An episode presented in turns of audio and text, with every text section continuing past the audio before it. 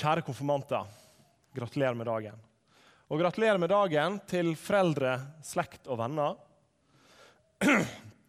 Eh, som, som, dere sikkert skjønte, så var ikke, var ikke denne avslutninga av åpninga helt planlagt. Eh, jo, helt planlagt var den sikkert. Det var bare ikke jeg som hadde planlagt den. Så jeg sliter litt med å komme over, over det. Eh, men det er en fantastisk gjeng som vi har foran oss. Syns ikke dere det? Ja. Og så spør jeg jo kanskje en eh, relativt inhabil eh, forsamling. Med, med, foreldre og slekt og venner som har vært med å, å oppdra disse her. Og fulgt dem hele veien. Og så får dere lov til å stå her i dag og så se dem bli konfirmert. Men jeg er jo ikke i familie med disse her, da. Og noen av dere kjente jeg før året begynte. Men det er først i år at vi er blitt bedre kjent. Eh, og det er ungdommer som jeg er blitt relativt godt kjent med gjennom året. Eh, og det er, en, det er, en, fantastisk gjeng. Jeg syns det har vært så utrolig flott å få lov til å være en del av det året deres. Eh, og jeg er selvfølgelig instruert til å fortelle at jeg eh, har hatt god undervisning. Eh, men Det er jo veldig kjekt å få en, uh, få en tilbakemelding på at dere syns at det har vært et, et kjekt år. Uh, men også at dere syns det har vært et, et, lærerikt år. Og det å høre at, uh, at, det kanskje har gjort noe med dere også, da, å få lov til å på en såpass konkret måte gå gjennom hvem Gud er, og hva slags ønske han er for livet vårt, det er veldig kjekt å høre. og det å få høre at dere har blitt flinkere til å be, flinkere til å lese Bibelen. Det er ingenting som, som, gleder meg mer enn det. Og det er ingenting som gleder Gud mer enn det. Eh. og vi har hatt noen flotte samlinger. Vi har hatt en fantastisk kjekk eh, konfirmantweekend. Eh, vi har vært på leir i lag, og det var veldig kjekt. Eh, og vi har hatt gode samtaler. og dere er en, en sammensatt gjeng. Dere er ulike personer Eh, dere kommer fra forskjellige typer familier. Dere har med dere forskjellig inn i et sånt år som dette her. Eh, men dere har vært, helt, eh, dere har vært en, en, nydelig gjeng å jobbe med. Eh, og en gjeng som er blitt glad i gjennom året. Eh, og det vil jeg at dere skal vite. Jeg er blitt glad i dere. Eh, og det å få lov til å dele den dagen her med dere, det er en høgtidsdag. Det er en dag der vi skal få feire og sette fokus på dere. Det syns jeg er utrolig flott eh, til å, å, få lov til å være en del av. Eh, jeg har kledd meg i bunad. Eh, og det er for dere sin del. Det, som den bunaden her ikke, ikke viser da, for dere, det er at det, det, er en knapp som mangler. Det var en knapp som spratt ut. Eh, jeg skal ikke si så mye mer enn det.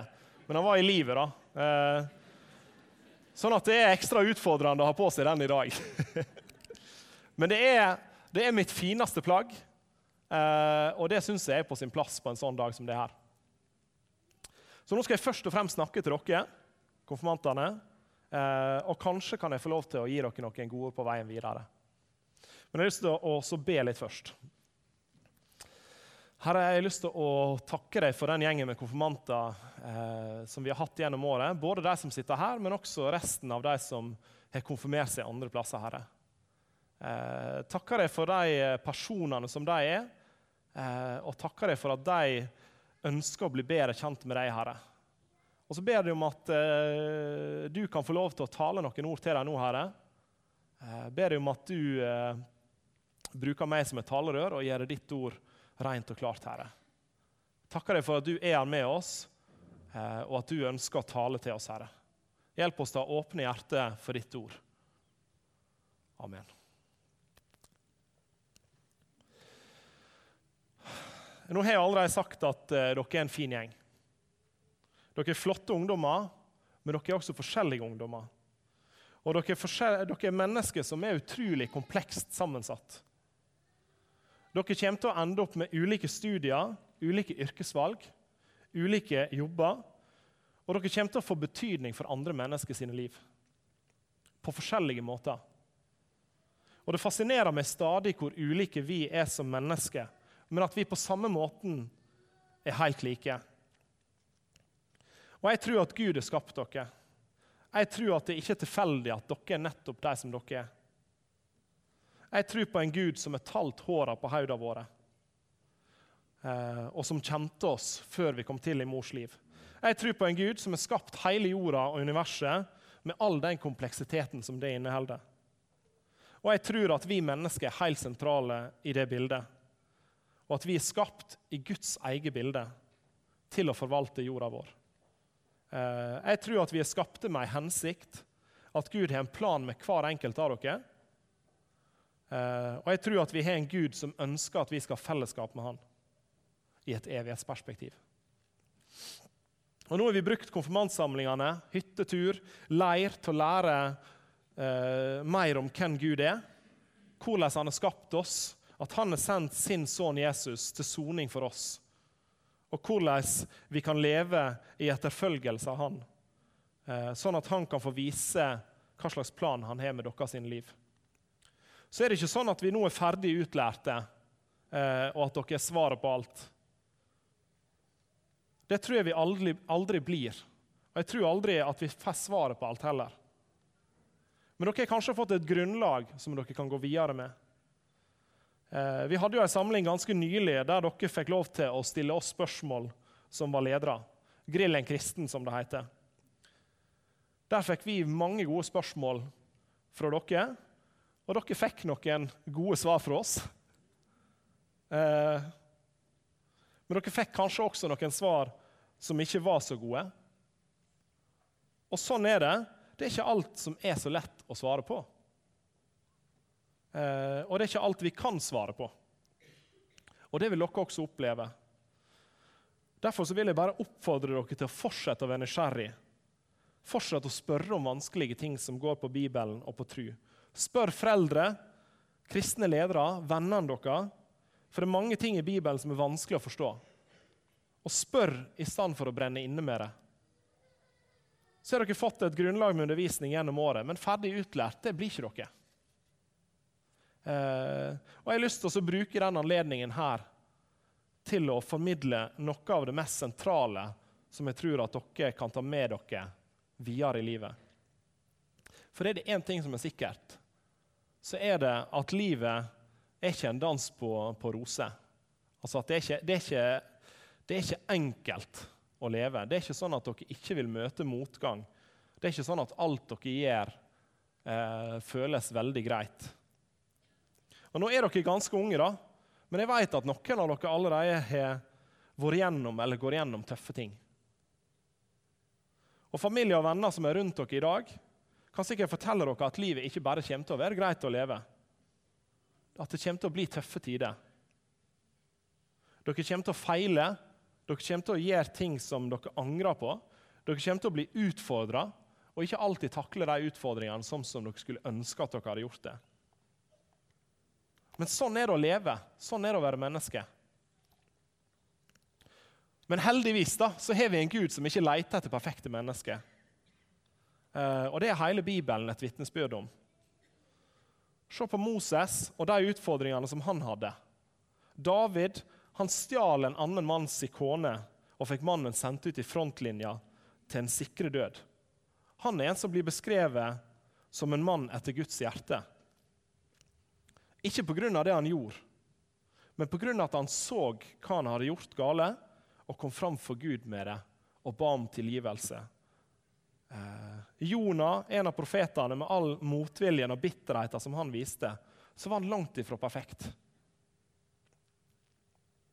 Bråkjekke Peter, som fornekta Jesus. Thomas, tvileren. Alle disse er mennesker som Gud kunne bruke. Sjøl med alle de manglene som de hadde. Alle grøftene som de falt i. Alle feilene de gjorde, men Gud ønska å bruke dem. Og Gud kunne bruke dem. For Gud leter ikke etter perfekte mennesker, men han leter etter mennesker som har skjønt hvem han er, og som ønsker å ta imot han. Eh, og Uansett hva valg du måtte ta i livet, hvis ting blir vanskelig, hvis du tar feil valg, så finnes det nåde. Se på den bortkomne sønnen, f.eks. Hvordan han ville ha all arven sin. Spilte den vekk, levde et utsvevende liv og kom hjem igjen når det var uår i landet. En som skulle blitt utstøtt fra familien sin etter alt det som han hadde gjort. Og den kjærligheten som faren møter han med, med åpne armer og steller i stand fest for ham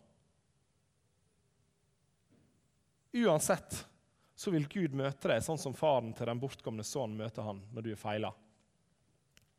Jeg tror at Gud steller i stand fest i himmelen når nye kommer til tro på han, og når de som vandrer vekk fra Gud, kommer tilbake til han. Og Det står om mennesker som Jesus møtte, som hadde feila på flere områder i livet, og som i møte med Jesus forsto hvem Jesus var, og ville tro på han. Og Uansett hvor de var i livet, uansett hvor langt vekke de var, så møtte Jesus dem med nåde. Vi husker kvinner som ble grepet i hor, og som ble fordømt av sine egne. Så sier Jesus, 'Heller ikke jeg dømmer deg. Gå bort og synd ikke mer.' For uansett hvor du er i livet, så møter Jesus deg med sin underfulle nåde og sin fred, hvis du vil ta imot ham.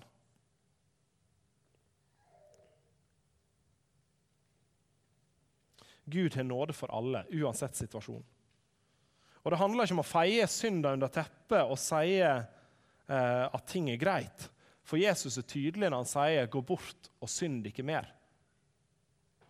Men uansett hvor du er kommet i livet ditt, så, snakker, så, nei, så ønsker Gud å møte deg med nåde. For av nåde er dere frelst, det er ikke av gjerninger. Vi er frelst av nåde fordi at Jesus har betalt prisen. Og det vet dere. Det har dere lært. Dere har lært at Jesus han har betalt for alt som vi har gjort gale. Men jeg håper at dere skjønner det også. At dere kan få lov til å flytte det herifra og så ned i hjertet. At når dere møter utfordringer, når dere har det vanskelig, og kjenner at dere ikke er verdige, eh, så er det nettopp det dere er. Det er nettopp der Gud møter oss med nåde. For det er derfor Jesus døde for oss. Og det håper jeg dere skjønner. At det er nåden som gjør det. Det er ikke at vi lever som perfekte mennesker. For vi klarer ikke alltid å gjøre det som vi tenker at vi skulle ha gjort. Og da møter Gud oss med nåde. For det er virkelig sant. Og det håper jeg at dere, eh, at dere kan huske på i møte med ting som er vanskelig. Og det er mange ting som jeg vil eh, at dere skal huske på seinere i livet. Eh, men av og til er det greit å få det litt konkret. Så jeg har lyst til å gi dere tre ting som jeg vil at dere skal huske. Og Det ene det er at dere kommer til å feile. På en eller annen måte, Dere kommer til å møte utfordringer. på en eller annen måte. Men husk at Gud han tar imot deg med åpne armer når du føler at du ikke fortjener det. Når du føler at du skulle vært utstøtt fra Guds rike fordi at dette her er ikke greit. Så møter Gud deg med nåde når du kommer fram for Han. Eh, nummer to i vandringa di i lag med Jesus i kristenlivet ditt, så ha et kristen fellesskap. Det fellesskapet som dere har opparbeida i konfirmantgruppa, det er verdt å ta vare på. Sånne fellesskap der du i lag med andre kan komme fram for Gud. Både med det som er vanskelig, men også med det som er godt. Be i lag og løfte hverandre opp. Bønn og fellesskap var den viktigste grunnmuren for de første kristne, som vi kan lese i apostlenes gjerninger. Eh, så kan vi huske på det som ble lest fra kolosserne, som sier noe om hva slags fellesskap Gud ønsker at vi skal ha. Eh, og Der står det bl.a.: Undervis og rettled hverandre med all visdom. Syng salmer, viser og åndelige sanger til Gud av et takknemlig hjerte. Og la alt dere sier og gjør, skje i Herren Jesu navn, med takk til Gud, vår Far, ved Ham. Eh, så det å ha noen som du kan be i lag med, noen som du kan lese Guds ord i lag med, noen som du kan, kan dele liv i lag med. Det er utrolig viktig. Det tredje det er å bruke tid med Gud.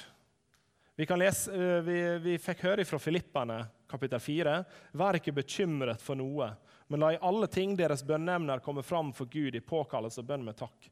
Og Guds fred, som overgår all forstand, skal bevare deres hjerter og deres tanker i Kristus Jesus.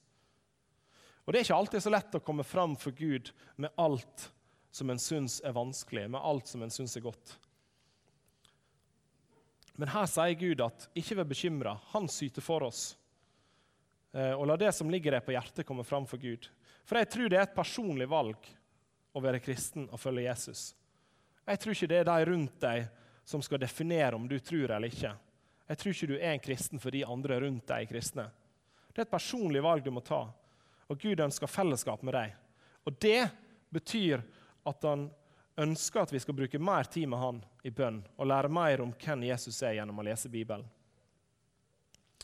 Som det står i Romerne 12,12.: Vær glade i håpet, tålmodige i trengselen og vedholdende i bønnen.